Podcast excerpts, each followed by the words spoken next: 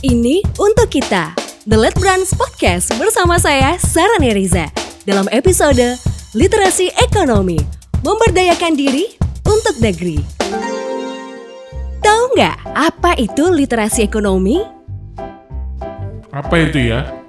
Suka baca buku ekonomi kah? Literasi ekonomi. Hmm, pinter ngitung duit mungkin? Internet itu bikin kita jadi selalu pengen beli barang baru. Influencer A lagi promo produk tas. Influencer B lagi endorse produk sepatu. Online shop C lagi diskon baju kece. Aduh, bingung gak sih? Mau beli yang mana? Mau beli semua, eh uang lagi mepet. Apalagi di masa pandemi kayak gini, harus bisa mengencangkan ikat pinggang.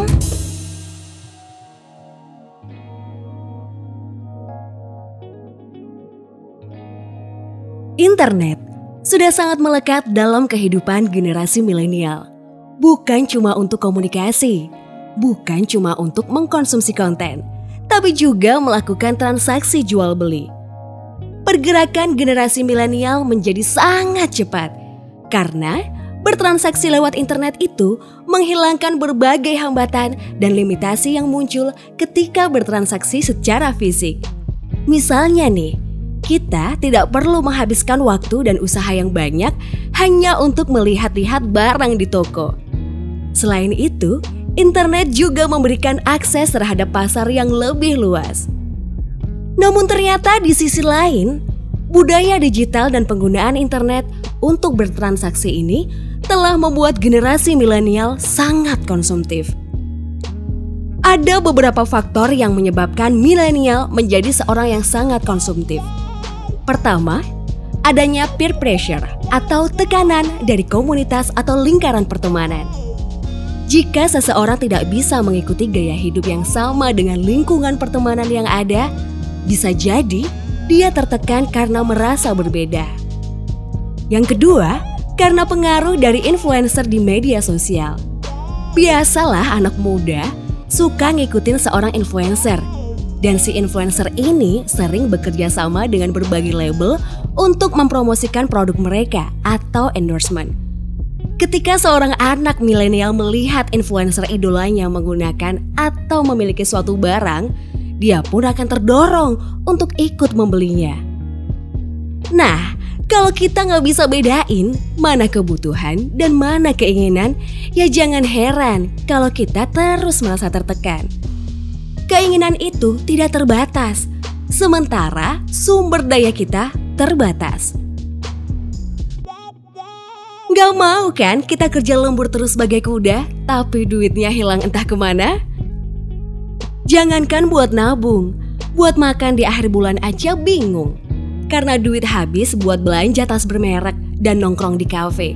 Dan kemudian gak sadar kalau uang habis nggak bersisa. Gimana kalau sekarang kita belajar untuk mampu berliterasi ekonomi dengan baik? Eh, tapi literasi ekonomi itu apa sih? Literasi ekonomi atau melek literasi ekonomi adalah pemahaman dan pengetahuan dasar teori ekonomi, konsep, dan aplikasinya. Orang yang memiliki literasi ekonomi berarti memiliki kemampuan untuk menggunakan konsep dasar ekonomi dan memiliki cara berpikir kritis dalam pembuatan keputusan ekonomi. Literasi ekonomi dapat membuat seseorang menjadi cerdas dalam mengelola sumber daya ekonomi untuk mencapai kesejahteraan. Oleh karena itu, literasi ekonomi sangat diperlukan. Generasi milenial yang memiliki pengetahuan tentang ekonomi akan lebih memahami kebijakan pemerintah daripada masyarakat yang tidak memiliki pemahaman mengenai literasi ekonomi. Sehingga kita akan mampu menggunakan sumber daya yang terbatas untuk memenuhi kebutuhan yang tidak terbatas. Rendahnya literasi ekonomi pada generasi milenial bisa berdampak pada sikap konsumtif pada masyarakat.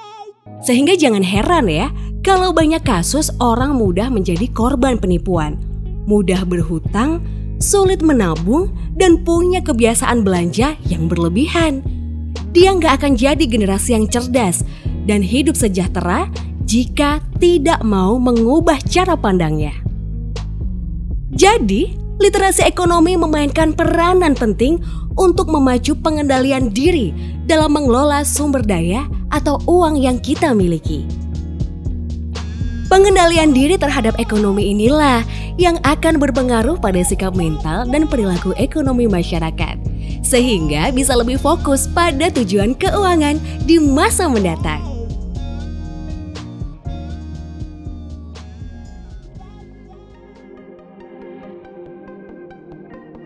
Saya adalah generasi milenial. Diproyeksikan, pada tahun 2025, generasi milenial akan segera menjadi bagian terbesar dari pasar tenaga kerja. Maka, kita harus mampu menerapkan sistem keuangan yang sehat sehingga dapat memberikan kontribusi yang signifikan tidak hanya bagi individu milenial tersebut, namun juga mempengaruhi pertumbuhan ekonomi negara. Apa aja sih manfaatnya jika generasi milenial melek ekonomi? Yang pertama, peningkatan sumber daya manusia. Kemampuan untuk melek ekonomi berdampak langsung kepada peningkatan kualitas sumber daya manusia. Individu yang tahu bagaimana menganalisis masalah, membuat keputusan, dan mengukur risiko dalam permasalahan ekonomi yang ada akan berdampak pada akselerasi angka Indeks Pembangunan Manusia atau Human Development Index Indonesia, khususnya pada kelompok masyarakat usia produktif. Nah, yang kedua adalah pertumbuhan ekonomi berkelanjutan. Milenial akan memiliki pengetahuan dan keterampilan dalam mengelola keuangan dan mudah mendapatkan akses layanan finansial, seperti misalnya nih, kredit usaha, asuransi, dan instrumen investasi lainnya. Hal ini membuat milenial memiliki kemandirian secara ekonomi dan harapan hidup yang berkualitas di masa depan, terutama saat di usia yang sudah tidak produktif. Yang ketiga, pengentasan kemiskinan negara. Peningkatan literasi ekonomi memiliki pengaruh yang signifikan loh dalam usaha pengentasan kemiskinan Apalagi di era digital yang serba dinamis seperti ini. Peningkatan literasi ekonomi, kesadaran menabung, dan pemahaman terhadap akses terhadap jasa keuangan formal sangatlah diperlukan generasi milenial agar dapat memberikan manfaat bagi peningkatan kesejahteraan dan kondisi ekonomi nasional. Di masa pandemi seperti ini, aktivitas di ruang publik menjadi lebih terbatas kita akan lebih banyak di rumah aja agar lebih waspada dengan virus corona. Daripada waktu habis cuma buat scrolling social media, gimana kalau kita memanfaatkan kesempatan ini untuk belajar literasi ekonomi? Gimana sih caranya? Satu, Membuat perencanaan keuangan kamu perlu meluangkan waktu untuk membuat perencanaan keuangan. Di sini kamu bisa mengukur bagaimana kondisi keuanganmu berdasarkan penghasilan yang kamu miliki dan bagaimana mengalokasikan secara bijak pada pos-pos sesuai kebutuhan. Kedua, belajar literasi ekonomi.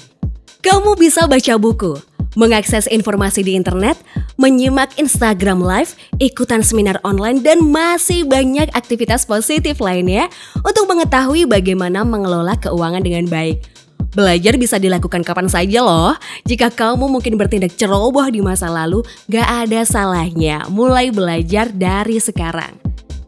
Ketiga, berdiskusi. Berdiskusi bermanfaat untuk mengembangkan pikiran kita agar dapat memahami literasi ekonomi dengan baik.